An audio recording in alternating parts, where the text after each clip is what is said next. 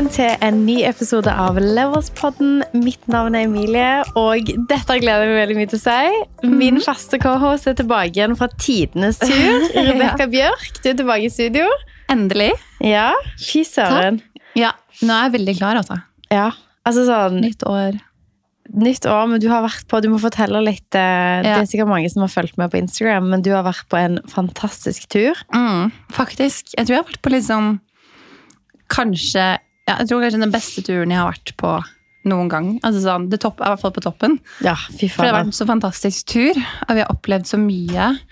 Og så snakka jeg jo litt om hvordan vi hadde liksom finansiert det på, en måte på forhånd, og at det liksom faktisk var mulig. da, var kjempegøy. Ja. Så når vi landa i går, så var jeg litt sånn der deprimert, fordi man, man er i en liten sånn boble Ja, som man bare ønsker at skal fortsette. Mm.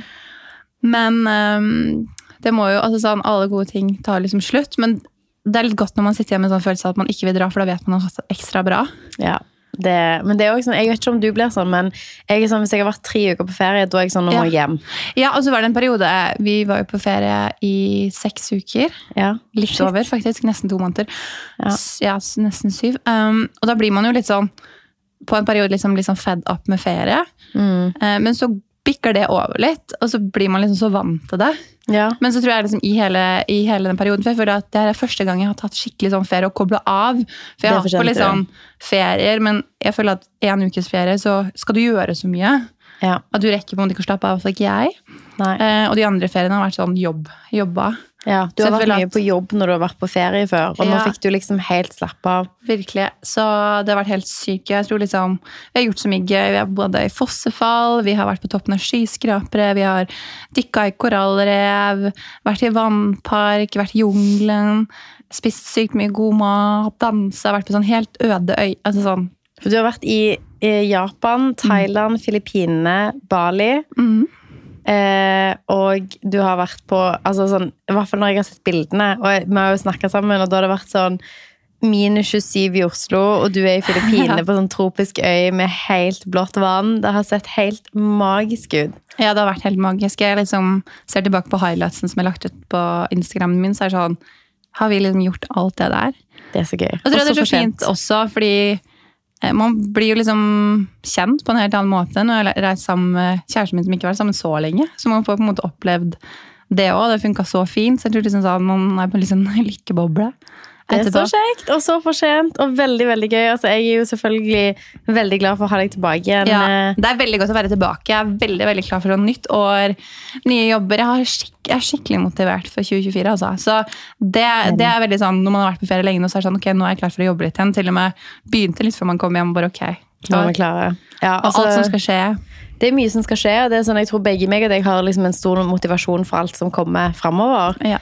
Eh, nå er det jo sånn at jeg skal faktisk på tur i morgen, Ja. så jeg skal, ikke være, jeg skal ikke være vekke i seks uker, men jeg skal være vekke i to. ja. Um, så jeg gleder meg skikkelig til det. Vi skal til Japan, litt forskjellige steder. Ja. Det blir veldig gøy, men um, jeg kjenner jo at sånn Vi begynte jo året med mye motivasjon, veldig mye sånn mål og veldig sånn klar målsetning for hvor vi skulle hen dette Mm. året. Og så skjer det jo ting, og så endrer man litt løypa underveis. Ja. Men begge to er i hvert fall veldig motivert til Ja. å få på en måte diverse prosjekter opp og stå. De tingene som man på en måte har i prosess. Ja. At det blir et spennende år, da. Ja, det tror jeg virkelig.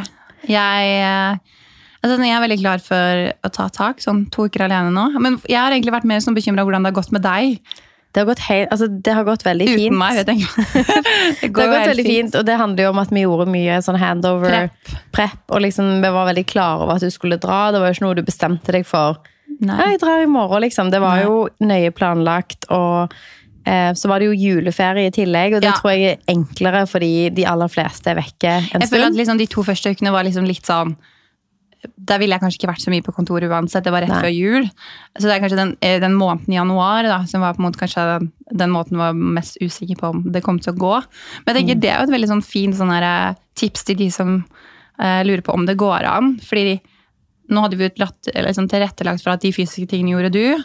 Og så kunne jeg gjøre litt ting som kom inn hvis det var behov for det, og gjorde de praktiske tingene.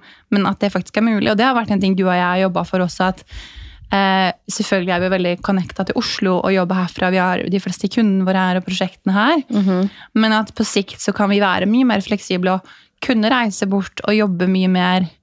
um, Ikke være nødvendigvis låst. ja, og det var liksom, liksom fin test at eh, ok, jeg klarte å opprettholde kundekontakt, ta de møtene som det var behov for, eller gjøre de tingene. Og slappe av, ikke minst. Ja. Sånn, vi er jo på en måte to stykker som har starta en bedrift sammen. Ja. Så det å vite at liksom, ok, en av de Det er mange fordeler med å ha en gründer, en medgründer og Ja. en partner, men en av det er jo at det er ekstremt slitsomt. Det vi gjør, vi jobber veldig mye, så det at man faktisk vet at når du er vekke, så er det ikke som at du, du trenger ikke liksom være redd for det. Det går bra. Ja, for det var jo liksom forskjellen før du kom inn. Um, og så hadde jeg jo mye hjelp når det var på en måte meg og Malin også. Mm. Men det er liksom noen ansvarsoppgaver som man som gründer alene eller uh, eier av selskap alene på en måte ikke Ting kan som slippe. Altinn, MBA og Ja, og alt så kan det komme utforutsette ting. Sant? Vi hadde jo ting, altså vi hadde sykt mange sånn ulykker som skjedde underveis på turen vår. Sånn, enten med leiligheten min som fryste, altså sånn rekke ting.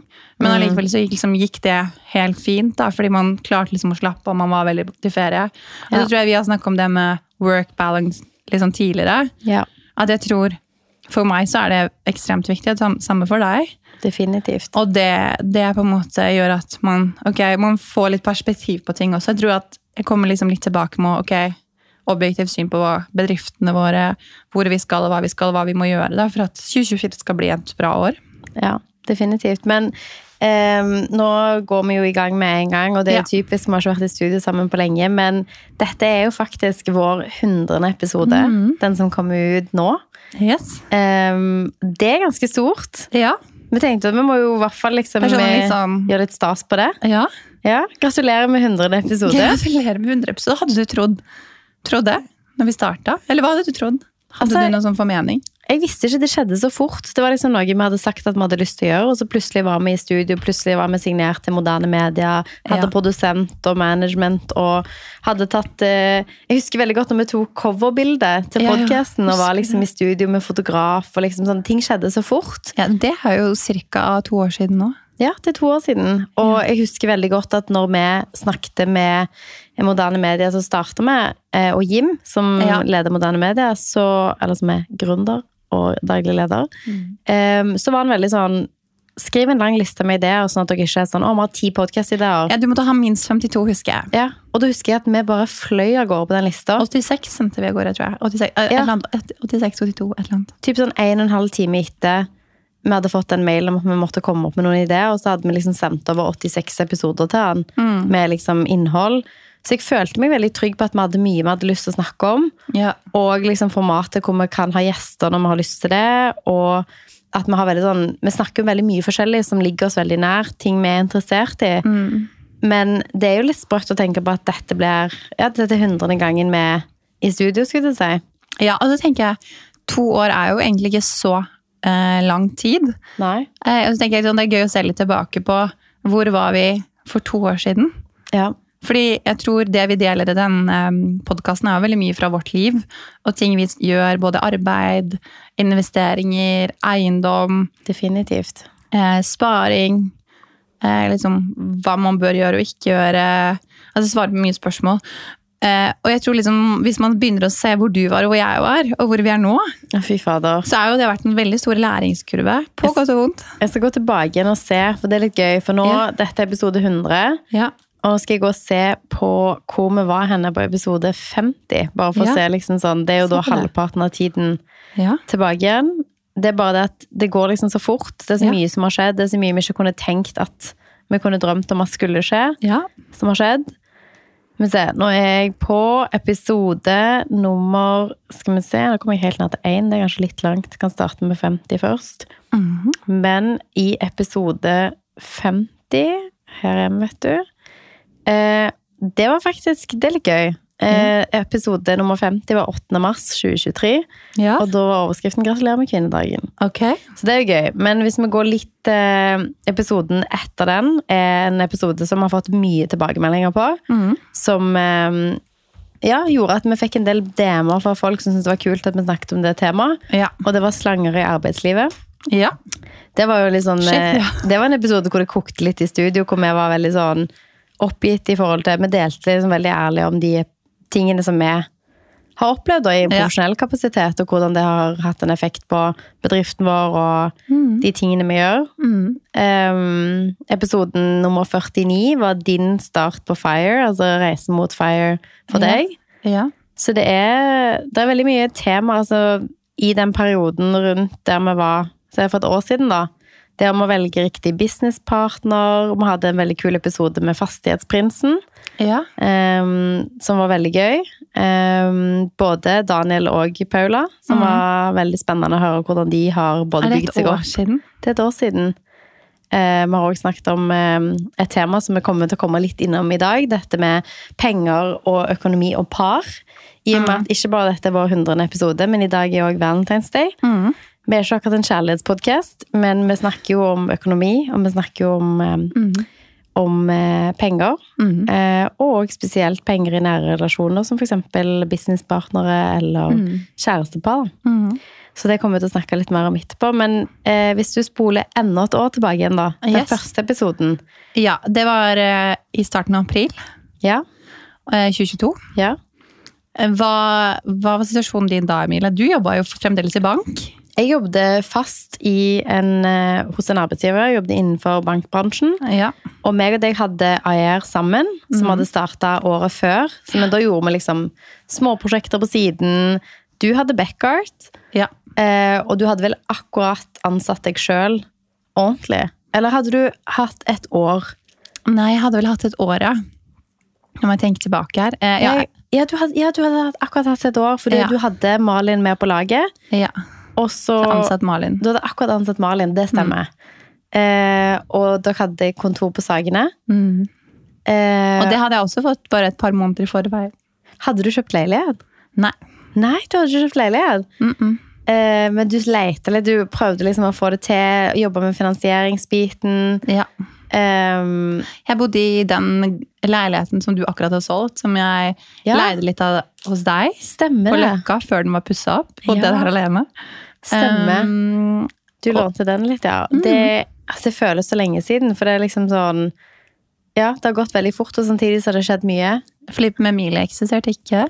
Nei, altså, altså podkasten var da på den tiden spilt inn 100 episoder. Mm. Eh, vi har fått nye ansatte. Mm. Vi har bygd ut bedriftene våre. Mm. Eh, ja, vi har fått TV-show. Vi har filma en hel sesong, Mm. og den har hatt sesongfinale.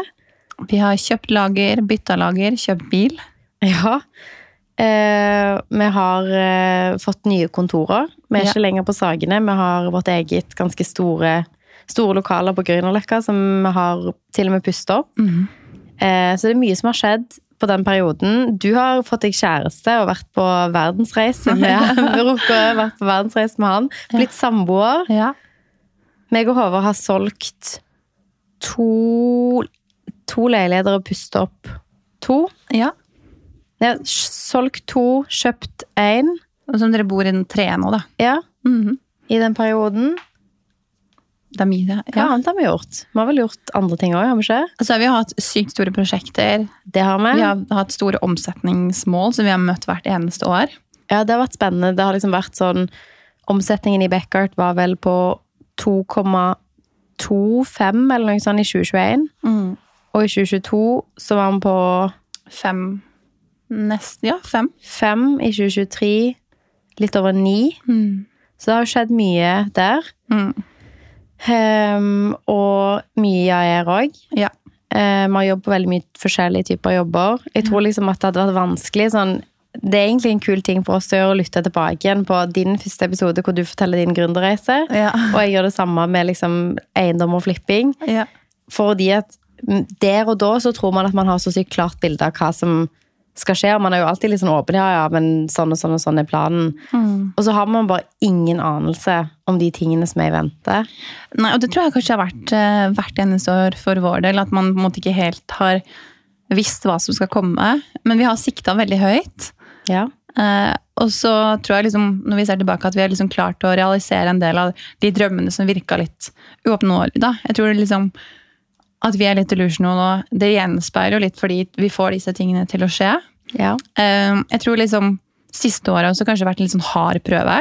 Vi, vi har måttet gått gjennom en del prøvelser i form av folk man har jobba med det siste året. Eh, prosjekt, eh, prosjektering, prosjektregnskap, hvor viktig det er med kontrakter. Eh, vi har jo vokst veldig kjapt veldig fort og har nok liksom kjent litt på konsekvensene av voksesmerter. Altså Vi har på en måte gått igjennom den veldig sånn berg-og-dal-banen som man som gründer går igjennom. Ja. Og jeg tror det er også en reise vi har delt veldig her, Ja. som jeg skulle ønske at eh, kanskje hadde vært litt klar over for to år siden. Så tror jeg at det har jo vært noe som vi har tatt med oss inn i veldig Levels Consulting, når vi har hatt, eh, hatt eh, kunder her som vi har veileda i forhold til oppstart av bedrifter, og liksom virkelig virkelig liksom prøvd å ta høyde for de tingene de må tenke på. Eller veiledning i forhold til investering og smarte valg i forhold til med bolig. Og hva man må tenke på som man måtte ikke tenke på før man sitter i situasjonen selv. Jeg er jo virkelig født på det det siste året, og du har jo hatt et par par-tre år med det i forkant, eller de siste fem åra, og kunne delta de erfaringene. Det er så sykt, det, fordi at liksom um, Det er noen ting som du nesten bare liksom sånn at Man kan gå på skikkelig store smeller som gründer og lære skikkelig dyre lærepenger. Eh, og Dyre. skikkelig dyre. Og det har vært så gøy å fått inn folk i Levels Consulting som er helt i oppstartsfasen, hvor vi faktisk kan gå inn og gi dem den Hvis vi hadde fått det rådet, så hadde vi spart hundrevis av tusen på eh, om det er enten liksom organisering av bedriften eller liksom Ja. Det har vært så mange ting som vi kan gi veldig sånn konkret. Sånn Ok, denne strukturen her. Tenk på disse tingene. Avvei dette. Ha disse kontraktene på plass. Veldig sånn det har vært den kuleste tingen med Levers Consulting, tror jeg. At man på en måte kommer i kontakt med så mange kule folk som Ja. har spennende prosjekter på gang, som man Ja. kan dele veldig sånn konkret råd som vi skulle ønske at vi visste, da. Absolutt. Um, og det, har, det er veldig fint, for man ser jo tilbakemeldingene vi har fått, og at det har vært veldig lønnsomt. Definitivt. Jeg tror kanskje det har vært en av de eh, største gledene jeg har hatt med podkasten og Levels Consulting, og egentlig podkasten også. Alle meldingene man får, alle tilbakemeldingene på Ja. råd som eh, dere som hører på, tar til seg, at det faktisk har en effekt. Og det er derfor vi kommer i studio hver eneste uke for å formidle ting. Og det var jo på en måte utgangspunktet vårt for å starte podkasten, var at vi hadde lyst til å formidle kunnskap Definitivt. og Og lære, lære. lære mer av flinke folk som vi har som gjester. Og liksom dele de tingene som har vært lærdommer for oss, og som gjerne har kostet oss mye å lære fysisk. Eh, og på, som jeg har kjent på kroppen. Så det har vært en kjempespennende reise, og jeg kjenner at det, selv om vi har hatt 100 episoder, så føler jeg at liksom hver gang jeg og deg er i studio, så, så jeg bare sånn, ja, men det må vi snakke mer om, det må vi, og den personen så jeg på Insta, de må komme, og liksom sånn, de må vi ha som gjest, eller... Og så ser jeg jo at man på en måte, man blir aldri utlært i et felt heller. At man kan alltid liksom øke den kunnskapen. og Man får nye lyttere inn som har kanskje samme spørsmålene som man har vært gjennom tidligere, med litt annen vinkling, litt sånne ting. Og eh, noen av temaene på en måte får man ikke snakka nok om heller. Nei, det er veldig sant. Og så er det jo litt sånn som markedet endrer seg også, ikke sant. Um, hvordan man bør investere i år er forskjellig fra i fjor. Eier eller leie bolig. Veldig forskjellig fra, fra i år til fjor og året før der igjen. Um, hva, hvis du ser tilbake da, Emilie, på liksom de, hvis du skal gå gjennom de 100 episodene, er det liksom noen ting som du tenker at det har liksom utmarka seg skikkelig hos deg? Eh, den første episoden jeg tenkte på nå, eh, var faktisk eh, han Morten eh, Ja. Mosvold som vi hadde som gjest. Jeg Det var husker... sykt, fordi det var akkurat den episoden jeg tenkte på. Ja, gøy. Eh, den tenkte jeg veldig på. Det er mange episoder som jeg tenker på. Jeg tror jeg tenker mye på at eh, det har vært gøy å ha folk i studio som har fått til kule ting. Mm. Både liksom Morten, men òg Andreas og Fastighetsprinsen. Ja. Folk som på en måte har starta og bygd seg opp innenfor eiendom. Morten, da, som gikk fra liksom null i egenkapital til 15 millioner, eller hva han hadde, pluss 50 millioner i verdi på eiendomsmarkedet på to-tre år. Ja. Som en veldig ung person. Sykt kult å høre om. Ja. Um, vi hadde jo òg Lille Hong fra Instagram, Ja, som òg snakket om på en måte kombinasjon av karriere og det å bli mor og det å jobbe som influenser og det å på en måte bygge seg opp innenfor både liksom eiendom, investeringer og masse forskjellig. Jeg liker veldig godt å ha folk på podkasten som gjør mye forskjellig.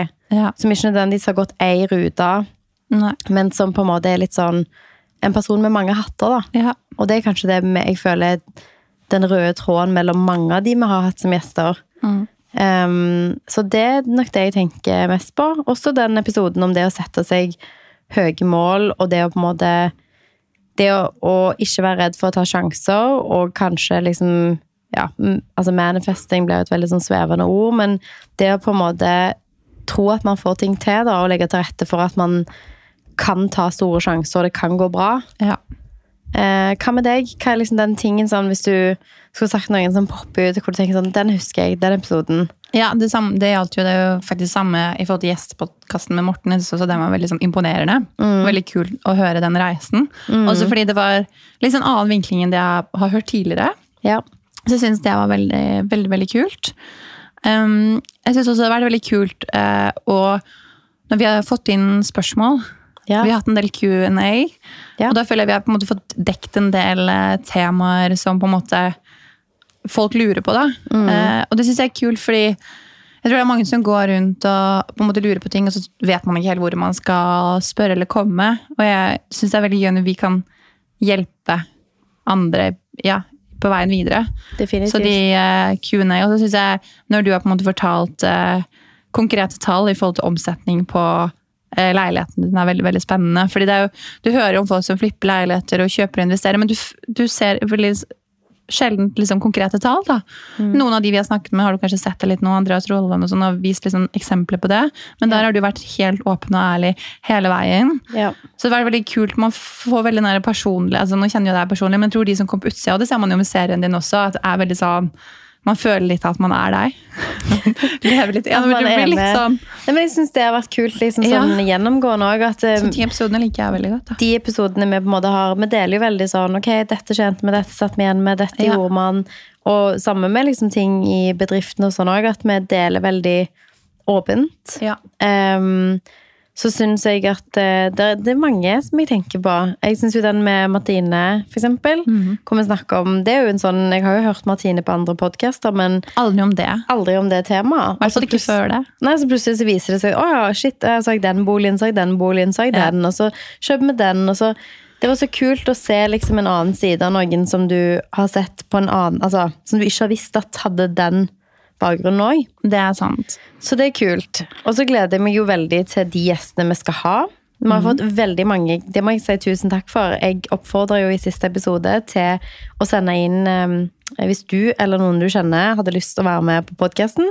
Og der har vi fått masse kule folk som har sendt melding. Ja. Eh, Alt fra gründere til investorer til folk som driver med eiendom. Som er utrolig spennende. Så jeg gleder meg skikkelig til jeg vet ikke om jeg skal kalle det sesongen 2024, Jo, jo. men eh, med alle de episodene som kommer ut i år. Ja. Eh, Jeg gleder meg til vi er på 150 og kan se tilbake på denne episoden her. ja. Så eh, rundt et år nå, da, så ser vi tilbake på denne episoden og tenker ja, tenk på alt det syke som har skjedd ja. i år. Det er faktisk sant. Ja. Men ikke bare er det 100 episode, det er òg Valentine's Day i dag. Riktig, så denne episoden er litt eh, todelt. Den er litt todelt, men gratulerer, gratulerer med Valentine's Day, hvis det er noe man sier. Ja, det sier man vel. Ja, altså em, Vi snakker jo om alt som har med økonomi og penger å gjøre. Og det å starte for seg sjøl og drive med aksjer og eiendom og alt som er. Og penger er veldig personlig. Vi har hatt, um, vi har hatt psykolog uh, i besøk uh, i stolen her på studio og snakket om på en måte hvordan forholdet man har til penger, kanskje kommer mye fra hvordan man har sett på forholdet man har til penger når man er liten. Mhm. Og hvordan man har på en måte arva vanene litt fra foreldrene sine, og hvilket type miljø man er født inn i. Definitivt. Og det betyr jo at når man kommer inn i et parforhold òg, så har man jo ting som begge har tatt med seg inn fra hver sine sider, og ting som er vanlig for den ene personen og ikke for den andre. Kanskje den ene kommer fra en plass hvor man har masse liksom sånn ah, men 'Jeg fikk alltid mye lommepenger', eller den andre igjen sånn ah, men 'Jeg jobba alltid hjemme og fikk liksom Eller hadde jobb', eller at man har kanskje et veldig annet forhold til verdien av penger og penger generelt. Ja, og så tror jeg det er veldig mange som Vi har jo snakka om det at penger har vært litt sånn tabutema eller vanskelig tema, og kanskje spesielt i parforhold, parforhold fordi eh, man, man på en måte, det er ukomfortabelt å snakke om. Kanskje noe vi også snakker om, at man ikke kanskje vet så mye eller kan så mye. Og i noen parforhold så er det kanskje én part som kan og vet mye mer om penger enn den andre. Eh, og hvordan man da skal på en måte eh, klare å snakke om det så det blir på en måte Hva man skal si? Litt mer balanse og For man begge, eh, ja. Og hvordan man på en måte starter de samtalene. Om det er liksom Skal man snakke om det tidlig? Eh, Skal man starte, snakke om det i starten av et forhold? For det er jo på en måte Hvis du ser på hva folk krangler om, eller hva som ofte er, skaper problemer, da, så er jo liksom penger en av de topp tre. På, ja, topp tre. Definitivt. Um, altså vi har lyst til å snakke litt om det i dag, i forhold til uh, hvordan, hvordan man burde håndtere penger i et parforhold. Det kan også være et partnerforhold, som vi to som deler en business sammen. at uh, Ja. Hvordan vårt uh, syn på penger er, og håndtering av penger, rett og slett. Mm. Så vi kan jo snakke litt om begge deler, tenker Ja. jeg. Altså, jeg tenker jo at uh, i hvert fall det som du nevnte nå, med når snakker man om penger, Mm. når tar man det opp? Mm. Og jeg tenker jo at for min del så er det noe som jeg eh, Det er viktig for meg, ikke bare fordi at, ikke fordi at ok, penger er så viktig, men fordi at jeg har et veldig bevisst forhold til hva jeg har lyst til å oppnå Ja. for mine egne økonomiske mål. Ja. Og hvis jeg er sammen med en person som ikke har satt seg noen type mål, og som er helt sånn ja, ja, penger bare kan fly ut, det går helt fint. Eller ikke har noe spesielt forhold til inntektssiden, f.eks. Mm. Jeg har alltid hatt på en måte et relativt høyt forbruk, men så har jeg alltid på en måte vært veldig bevisst på inntektskildene mine og prøvd å ha så mange som mulig. Ja. Så jeg tror for meg i et parforhold, og nå har meg og Håvard vært sammen veldig lenge, Ja. men for oss så var jo det noe som Det var en felles interesse med en gang. Ikke nødvendigvis penger, men økonomi. Han har alltid investert mye i aksjer og hatt mye mer sånn enkeltaksjer, fulgt med, lest kvartalsrapporter, kjøpt og solgt i løpet av en dag kontra liksom og hatt nødvendig sånn langsiktige fondssparinger. Han er veldig dyktig på det, Ja. og veldig interessert i det. Ja. Så det var liksom med en gang når vi ble kjent, så var jo det noe som vi begge var veldig interessert i. ja, så dere snakka økonomi liksom ganske tidlig? Vi gjorde det. Ikke nødvendigvis økonomi mellom oss to, Nei, det men sånn men det var et tema, da. Det var ingen av oss som var redd for å snakke om det, og det tror jeg er på en måte et pluss. ja. At man ikke opplever at det er liksom vanskelig å snakke om. Så det er jo noe som Jeg tenker at fordi at det definerer så mye, da Og hvis man ikke snakker om det, så kan du ha en skikkelig stor Det kan ha store ringvirkninger, da. Ja, så tror jeg det handler litt med forventning å gjøre også i forhold til liksom hvordan man vil leve. Eh, Vi har snakka litt om økonomi og parforhold tidligere. og brukte et eksempel hvor jeg hadde en venninne tidligere som var sammen med en som tjente mye mye mer enn henne. Ja. Hvor hun, når hun var student. Mhm. Men han forventa at de skulle bruke like mye, f.eks. Ja. Eh, og hun var jo veldig fortvila, for han ville reise på veldig luksuriøse ferier. Og forventa på en måte at hun skulle være med på det og betale for det samme. Så hun, Det var liksom et problem for henne å måtte ta det opp, men han forsto på en måte ikke helt det. da. Problemet. Nei. Eh, For jeg bare, Hvis du virkelig vil at hun skal være med, så må du enten Betale for det, eller så må dere finne en ferie som på en måte begge har råd til. Ja. Eh, og det er jo liksom litt eh, Jeg tror kanskje noen har problemer med å kanskje si at ok, jeg har ikke råd til det her, for du vil ikke såre den andre parten. Det har jo noe med det der å, kanskje ha en åpen kommunikasjon litt tidlig, da, og være liksom innforstått med situasjonen sin. Definitivt. Um, for vår del, som på en måte ikke har vært sammen så lenge, så har det også vært veldig naturlig å på en måte ha, snakke om penger veldig tidlig. Eller sånn, Ja, hvordan, for, hvordan har dere gjort det? Liksom, sånn, dere er ja, relativt liksom, sånn, et nytt forhold. ja. Eh, hvordan tok dere det opp først, og hvordan gjør dere det? Dere bor jo sammen nå, Mm. Og det gjorde, dere flytta jo inn sammen ganske raskt. Hvordan har dere liksom Du er jo en leilighet som du leier ut. Mm. Dere bor sammen. Hvordan gjør dere det med det? Hvordan liksom Altså, for vår del så har det vært veldig sånn jeg, jeg er sånn mot venner og sånn, fører ikke regnskap. Jeg tror han er, han er veldig lik. Ja. Jeg tror for min del så er det veldig sånn Nei, jeg tror det, handl, eh, det kom veldig tidlig når vi, når vi ble kjent, rett og slett. I forhold til ok, du skal gå ut og kjøpe en kaffe, eller du skal gå ut og spise, eller Ja, du du skal sendte ikke handle noe. Vipps Request på Nei. 50 kroner? Og da, var det, da, da ble det veldig sånn naturlig med en gang. hvor Han var sånn, det var et eller annet jeg, han hadde betalt for, det, så var jeg sånn, nå kan jeg betale. Og han bare, ja, jeg kan vippse deg. Så var jeg sånn, nei, vet du hva, det betaler jeg, og så betaler du noe annet. Ja. jeg fører ikke regnskap, og han bare sånn, åh, så deilig, sånn har, sånn har ikke jeg det heller. Og sånn har det vært veldig også, så at liksom, en tar litt, og en, men det er, veldig, det er veldig fair, på en måte. Ja. Og så har vi liksom vært veldig sånn, snakket veldig om hva vi vil, hva målene våre er. Ja. Um, nå jobber vi jo veldig kreativt virke, begge to. Og så tenker jeg liksom sånn, hvis hvis én har mer penger i periode, så er det den som drar mesteparten av lasset. For man er jo et team, på en måte. Så jeg tror for vår del så har vi, liksom, har vi et veldig åpent forhold om det og snakker om penger. og veldig sånn, det her er det jeg har, Nå er det en stram måned, eller nå har jeg hatt mange uforutsette kostnader med bil eller forsikring. Jeg har hatt masse greier med leiligheten min. og som, som gjør at egentlig har jeg stilt ganske godt, men så har det masse, masse ting å betale hvor han var sånn herregud, ikke tenk på det. Nå er det jeg som fikser det. Så jeg tror for vår del så har vi hatt en, at vi har hatt en åpen kommunikasjon om vår økonomiske situasjon. Eh, er et veldig godt tips. Og så har vi snakka liksom om hva målene våre er. Ja. Hva som er viktig for oss, på en måte. Og at vi har liksom også laget liksom felles sånn sparemål. da. Så nå som vi f.eks. bor sammen, eh, hvordan vi skal dekke utgiftene, at vi har liksom blitt enige om det. Uh, hvordan vi skal spare, hvordan vi skal investere. Uh, hvis vi skal dra på ferie, hvordan vi skal planlegge for det. Og en av de første tingene vi gjorde, var jo å spare til den ferien som vi akkurat var på. Det var sånn, ok, Vi har lyst til å dra på ferie, hvordan skal vi fikse det? Setter dere delmål, leier ut leilighet. Ja, og så jobba sammen som et team for å på en måte nå et økonomisk mål. Og det var også veldig fint at begge var veldig sånn innstilt på det.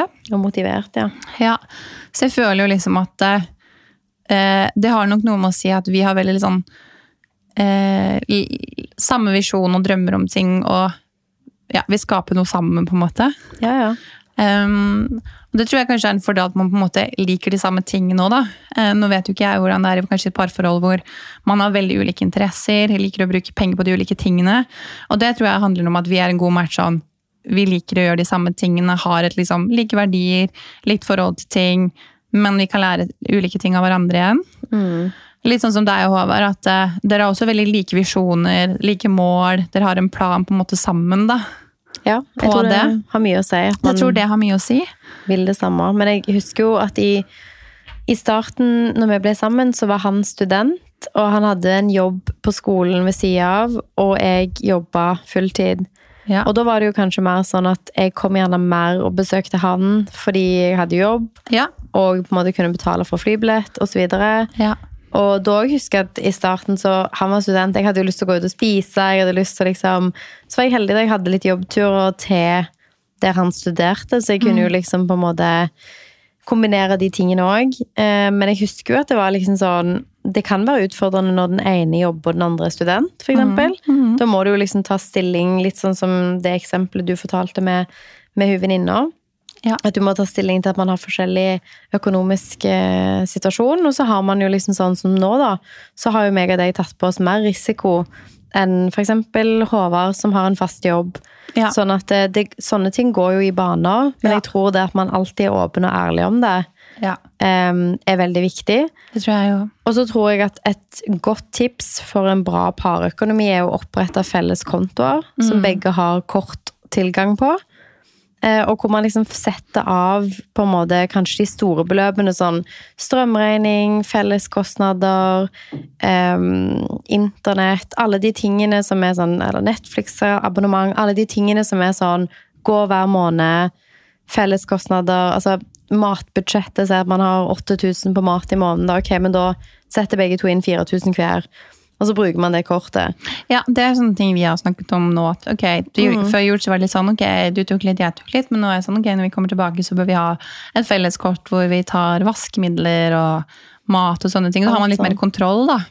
Um, og så tror jeg det er også en fin ting som gjør at ok, vi har lyst til å kanskje reise igjen, eller vi har lyst til å kjøpe noe sammen, altså gjøre et eller annet, investere i noe. Og at man også har mer kontroll på forbruket sitt sånn personlig. Mm, det gjør det mye Eh, enklere å få men tenk- oversikt. Men jeg tenker på, på en måte Hvis man kanskje er i en situasjon hvor det her er litt vanskelig, hvordan man skal dele det. Ja. Eh, For noen er jo sånn, skal man dele 50% skal man dele en prosentdel? Eh, Og der har man jo sikkert litt ulike utgangspunkt. Mhm. Men si at du har to stykker i et forhold hvor du tjener utrolig ulikt. ja. Um, du, hva, hva tenker du er den beste løsningen da? For jeg vil jo tenke at det mest fair hadde jo vært å tatt en prosentdel av Altså ja og nei, for jeg er med på at det bør være Hvis den ene tjener to millioner og den andre tjener 400 000, så bør jo på en måte så bør man jo egentlig leve litt sånn som den personen som tjener 400 000, med mindre den andre er villig til å kompensere andre Ja. veien. Ja. Men jeg tror liksom at man bør se at den ene tjener en million, og den andre tjener 600, da, som òg er en større forskjell, så bør man jo lage et forbruk basert på at man skal leve bra begge to. Det er jo ikke den ene personen som skal kompensere den andre heller, og det er veldig viktig at den personen som tjener mindre, ikke heller venner seg til en livsstil som ikke de sjøl kan supportere. Og det Ja. tror jeg er et stort problem. Jeg leste en undersøkelse fra Sverige om at eh, opptil 30% av svenske kvinner har ikke råd til å skille seg. Ja. Og det er en veldig skummel situasjon å sette seg i. Fordi økonomi styrer jo veldig mye av de mulighetene man kan ha. Ja. Eh, Og når man er i et parforhold og ting går bra, Ja. så er jo det kjempebra og supert og alt det der. Ja. Men hvis du er i en situasjon hvor det er en ujevn balanse, enten den ene eller andre veien, det her trenger jo ikke å gjelde kun kvinner, men si at du, um, du er sammen med en dame eh, som tjener to millioner, og du som mann i forholdet tjener halvparten, og så kompenserer den andre personen forbruket, sånn at dere lever egentlig litt som om begge har den inntekten, da. Ja. Og så blir det slutt. Og da har du liksom plutselig livsstilsinflasjon av deg sjøl, skulle jeg si, Ja. Til et forbruk som du ikke sjøl klarer å leve på. Mm. Og da tror jeg veldig mange kommer i en situasjon hvor de liksom enten forblir i forhold som de i utgangspunktet ikke har lyst til å Være i. være i, Ja. fordi at de har en eller annen økonomisk insentiv til det, Ja. eller at man kanskje liksom En ting er jo at okay, ja, man går på dyre restauranter eller reiser og sånn, men hvis man begynner å kjøpe ting, dyre biler, dyre hytter, leiligheter og sånne ting, som man ikke har råd til å finansiere hvis man hadde vært alene, da. Ja. Og det tror jeg er en veldig viktig aspekt med parøkonomi, at man ikke nødvendigvis justerer Det skal være noe som begge kan leve med, så man må sette seg ned, og det krever kommunikasjon. Man må være åpne om sånn hva er mitt vanlige forbruk? Hva forventer jeg å bruke på en ferie? Hva forventer jeg å legge til sparing? Hva forventer jeg å bruke på restaurantbesøk eller andre ting i måneden? Og så setter man opp et budsjett som funker. Og så kan det være at liksom, se at du da har lyst til å du er sånn, nei, jeg har lyst til å spise ute en gang i uka. Og så sier Hugo, nei, men jeg har lyst til å spise to ganger i måneden. Mm. Og så trenger man jo ikke gå ut sammen hver gang. Man kan jo ha forskjellige Ja, ja. ting òg. Eller at du er sånn, ok, jeg vil dra på én tur i, i året med deg, og så har jeg òg lyst til å ha en tur med venninner. Ja. Og så kan, Da er han med på den turen som dere er sammen, og så kan dere justere ut ifra hvem som Du trenger jo ikke å gjøre alt sjøl, alene eller sammen. nei. Du kan jo gjøre ting sammen som et par, Mm. og så kan man ha ting man gjør utenom. Og så tenker jeg jo at det er jo liksom litt sånn eh, Man må velge litt når man kanskje er i et parforhold. Jeg tenker jo det er liksom fint og sånn, Man velger å være sammen og på en måte skal få ting til å funke. Jeg mener ikke at man skal hjelpe eller redde noen heller, men du velger da velger man jo også på en måte det livet. da, på en måte. Jeg er jo litt, jeg er jo veldig sånn, jeg deler av det jeg har, på en måte. Men da, da føler jeg at den andre personen også skal gjøre det, på en måte. Um, så tror jeg liksom holdninger til penger altså sånn, Jeg kjenner jo noen, sånn som for eksempel eksempelet til venninna mi, hvor han er veldig gjerrig. da.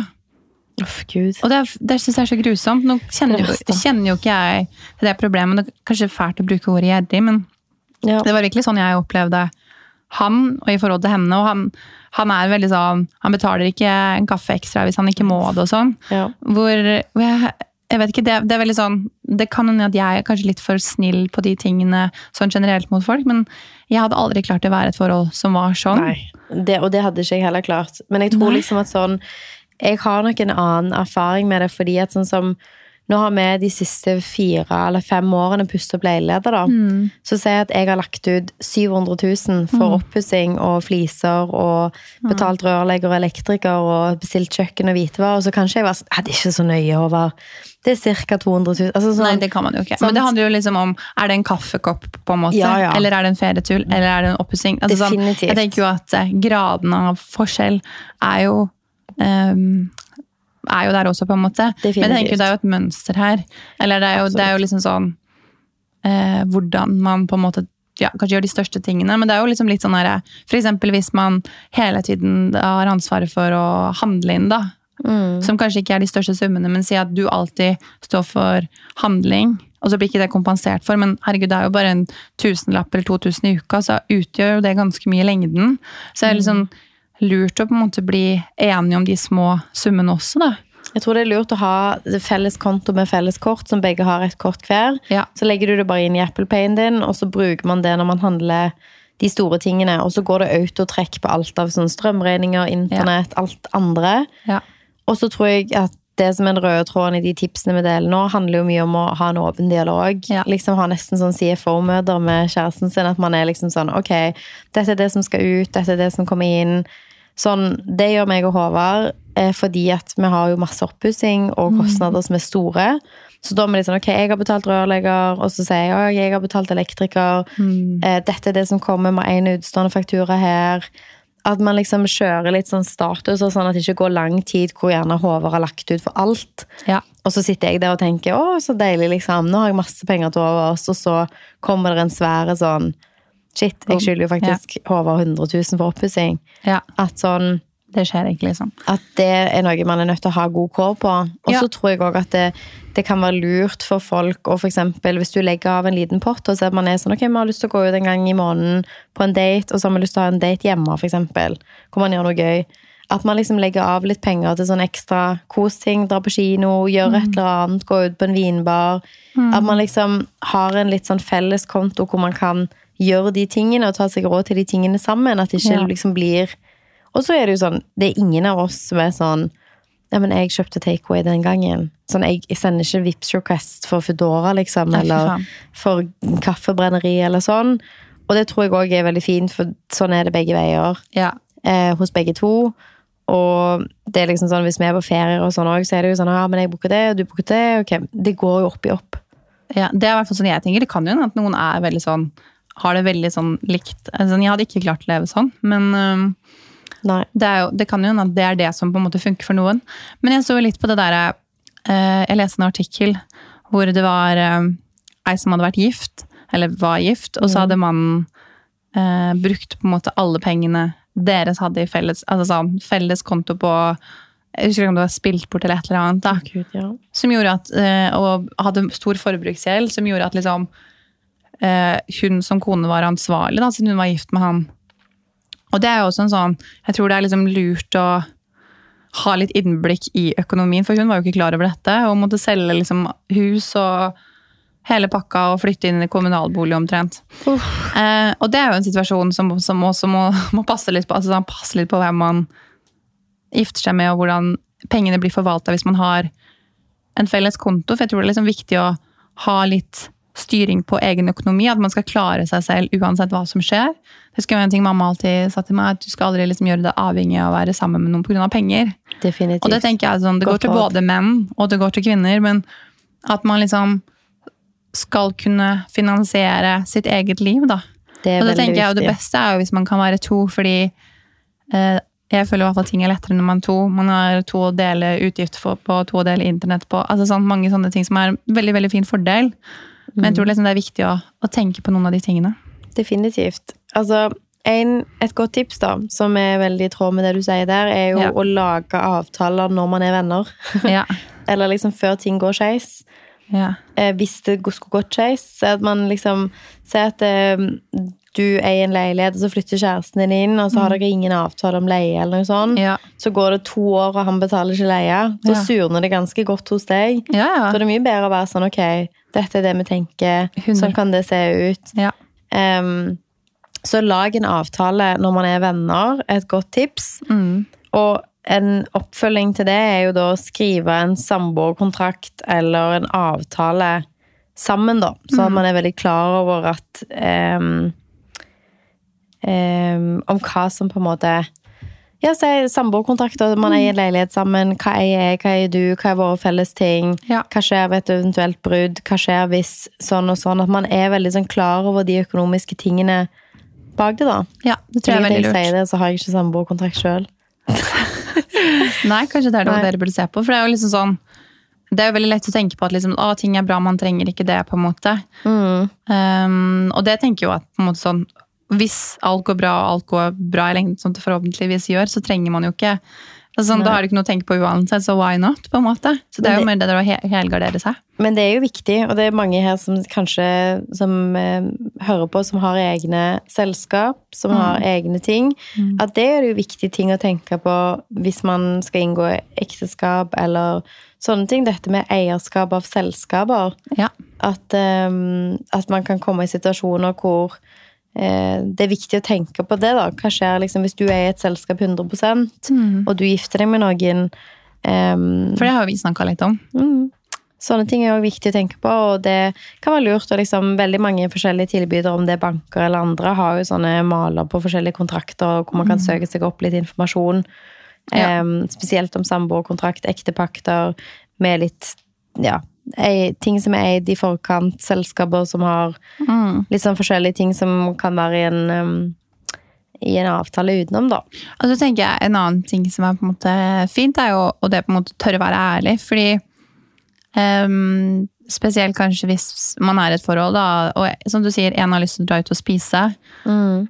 og en egentlig kanskje ikke har råd til det, men så er det vanskelig å si nei. Mm. Så tror jeg jo det er liksom bedre bare, bare være ærlig hele veien. Mm. Så da, nå, nå har jeg ikke råd, råd til det, eller jeg tror ikke jeg kan ta meg råd til det. Så okay, enten så kan den andre personen tilby seg å, å spandere, eller så kan man finne på noe annet. holdt jeg på å si.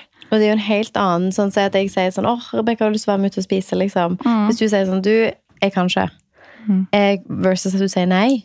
Det er mye Mm. bedre stemning hvis du er sånn, du, jeg hadde elsket å vært med, men jeg kan ikke akkurat nå. Jeg må liksom komme meg litt i vater igjen etter sånn og sånn, eller, da er jeg jo veldig sånn, «Å, det skjønner jeg. Ja.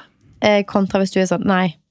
Ja. Så det, jeg føler at det løser seg veldig med det å bare egentlig være åpen om, om situasjonen sin. ja, det tenker jeg også. Kommunikasjon key. Definitivt. Og så er det et tips som eh, er viktig for alle å tenke på. Det er jo det at i et parforhold, spesielt hvis man har barn, så kan det være perioder hvor man går inn i ulønna permisjon. Mm -hmm. og da er det veldig viktig å tenke på pensjon. Mm. Eh, jeg har flere venninner som har barn som har gått lenger enn permisjonsperioden Mm. etter de har fått barn, og da har de hatt en egen avtale med partnerne sine i forhold til dette med pensjonssparing osv. Mm. Fordi at i, i den perioden de har ekstra, så Ja. har de jo ikke opptjent pensjon. Nei. Så det er jo en viktig ting å på en måte tenke på, eh, kanskje spesielt som kvinner, da, i og med at det er ofte kvinner som tar ulønna permisjon. Ja. Et annet tips er jo å spare eh, til de litt uforutsette tingene sammen. ja. Det òg gjør jo at de økonomiske ujevnhetene blir mindre. Si at, ja. Alltid ha en buffer, liksom. ja, det at sett at oppvaskmaskinen hjemme hos meg og Håvard ryker, og vaskemaskinen samtidig, da. Ja. Eh, hvis Håvard er sånn, ja, men det går fint, jeg har en buffer på 50 000, jeg, så det, jeg kan betale halvparten av det nå. Ja. Og så er jeg sånn, åh shit, jeg, det må jeg ta på et kredittkort. Ja. Så skaper jo det òg en ubalanse som tar litt tid å komme seg ut av. Så det at man liksom kanskje setter seg ned og snakker litt om ok, hva bufferbehov har vi? Sånn som for meg og Håvard, da, som driver med flipping, men jeg er òg ansatt av meg sjøl. Og har liksom egne prosjekter. Det er viktigere for meg å ha en større buffer enn for Håvard, fordi han er fast ansatt i et selskap som han ikke drifter sjøl. Ja. Um, men fordi vi driver med oppussing, og det er mye som kan gå galt, og plutselig så er det sånn Shit, nå ble elektrikerregningen 100 000 mer Ja. enn det man hadde regnet med. Ok, da trenger man en, en solid buffer. Mm. Så det er òg en viktig ting å, å se på. Tenke på, ja. Det var mange gode tips.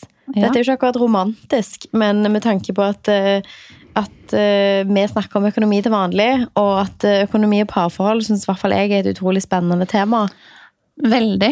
Og jeg tenker jo, vi vil gjerne høre hvis det er noen som har gode historier på det, eller har spørsmål eller problemer rundt akkurat det med økonomi i parforhold. da. Og gode tips hvis det er noen der ute som jobber som eh, eh, alt fra skatteadvokat til rådgiver, om det er noen tips som man tenker dette er viktig å få med seg. Mm. Um, eller dyre lærdommer. Det snakket vi om tidlig i episoden, at det, er noen ting man eh, lærer ordentlig med å kjenne på det på kroppen. Så Ja.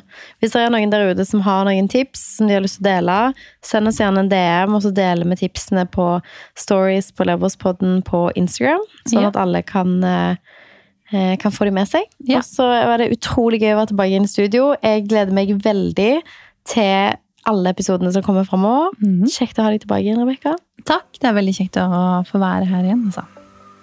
Veldig, veldig gøy. Vi snakkes i neste uke. Det gjør vi. Ha det. Ha det.